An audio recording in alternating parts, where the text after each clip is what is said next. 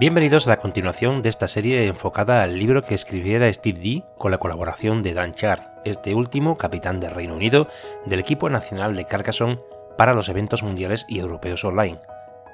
Haciendo un breve resumen del primer capítulo, he contado que el libro The Buff of Carcassonne consiste en tres partes diferenciadas de contenido, con la presentación de una estrategia básica del juego que viene a definir y a resumirse en la frase de Su Tzu en el libro El arte de la guerra, como bien recalca Steve, la estrategia sin táctica es el camino más lento hacia la victoria. La táctica sin estrategia es el ruido que precede a la derrota.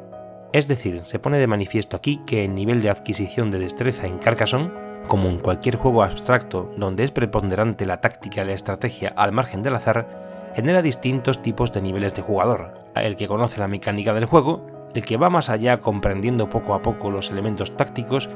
y finalmente los que consiguen comprender los entresijos de la planificación, aunque sea cortoplacista dentro de una partida, y hace uso de los elementos tácticos para obtener rédito de esas ideas sobre el mapa de juego durante el desarrollo de la partida. En The Book of Carcassonne, tras hablar de una pauta inicial sobre el enfoque táctico estratégico del juego, la división de epígrafes que le continúan sitúa el contenido en el desglose de los tipos de loseta y construcciones, es como si en ajedrez el índice estuviera dividido en epígrafes sobre las piezas, caballo, alfil, torre, dama, rey y peón. Igual en Hyde, la colmena, donde no viene hablando de la abeja reina, la hormiga, el escarabajo, el saltamontes, etc., en un sentido cerrado. Steve usa el recurso de las losetas para introducirnos en elementos tácticos básicos, y la definición de esos epígrafes es difusa entre terreno y construcción. Me explico. Caminos, ciudades, monasterios, campos o granjas. Estas divisiones van en consonancia con la reglamentación de la colocación de losetas de manera que el paisaje tenga continuidad. Existe un elemento instructivo de cómo jugar, pero los monasterios no forman parte de este grupo de terrenos, aunque sí de construcciones. Y sucede algo parecido cuando tratamos de la dualidad campo-granja. El primero, campo, viene referido conceptualmente al paisaje, field en inglés. El segundo, granja, cuando nos referimos al elemento puntuable, farm en inglés. En este sentido, Steve y Dan interpretan que el mejor modo de enfocar paralelamente la mecánica y el sentido de puntuación es hacer esta separación entre tipos de terrenos, aristas de las losetas y construcciones, que se pueden reclamar para conseguir puntos de victoria. Y este enfoque lleva a la presentación, en el caso de los caminos, a mostrar diferentes formas o situaciones dadas de manera estructural en cada partida de Carcassonne, rotondas o elipses que se cierran sobre sí mismas, terminaciones de caminos con losetas que completan por ambos extremos estas cadenas más cortas o más largas de senderos en el paisaje, situaciones en las que pueden verse afectadas las construcciones ante el ataque táctico del oponente,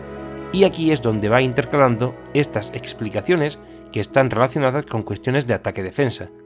con las ciudades sucede exactamente lo mismo, donde la exposición de la forma de puntuar y colocar las losetas para cerrar una ciudad tiene dos lecturas, maximizar la puntuación versus minimizar las posibilidades del rival de atacar dicha ciudad. Estos tipos de estructuras, en función de las losetas que nos vayan tocando y que demos uso para ampliar dicha construcción, generan formaciones características a las que se da nombre en el libro para destacarlas con más facilidad o para generar una idea mental con una finalidad estratégica, por ejemplo, corazón de manzana, mariposa, etc. La cuestión de los monasterios es otra cosa, forma parte del paisaje constructivo del juego, pero no recibe el nombre por sus lados o aristas, que continúan siendo de campo. Aquí el autor establece los pros y los contras de esta edificación, la facilidad de puntuación alrededor del monasterio sumada a la dificultad para completarlo, o la desventaja a la hora del uso de los recursos, meeples, para explotar otras zonas del tablero. En la actualidad, personas como Alexei Peguchev, en su canal de YouTube, vienen a explicar que en determinadas situaciones puede resultar incompatible invertir recursos en monasterios cuando quedas en desventaja o minoría de meeples para defender grandes granjas que luego pueden decidir la partida, el libro de Book of Carcassonne viene a situarnos incluso en el solapamiento de monasterios para multiplicar exponencialmente los puntos, con la salvedad de que un potencial bloqueo puede dar al traste con esa mayoría de meeples para reclamar otros terrenos en el tablero o para abordar situaciones más ventajosas durante la partida. Por último, las granjas vienen a definirse como un elemento de complicado manejo para los principiantes, pero un recurso omnipotente en avezados jugadores de Carcassonne.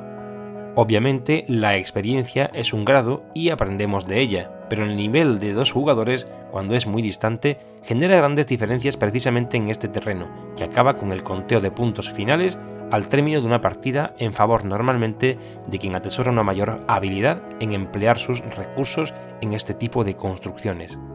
Es también en el capítulo que habla de los monasterios donde se nos introduce en el concepto del bloqueo, y esto tiene que ver con la imposibilidad de cubrir un hueco que resta en el tablero y que ha quedado ya como una zona incompletable, lo que impide al poseedor del monje que el jugador en cuestión pueda recuperar su mipel para un uso posterior durante el resto de la partida. Y esto es extrapolable y afecta también a cualquier tipo de construcción, camino, ciudad o incluso granjas, las cuales estas últimas pierden la continuidad por un hueco en el paisaje, no solo por los límites marcados por las líneas de carreteras y las murallas de las ciudades, sino también por los agujeros que ya no pueden rellenarse en el paisaje.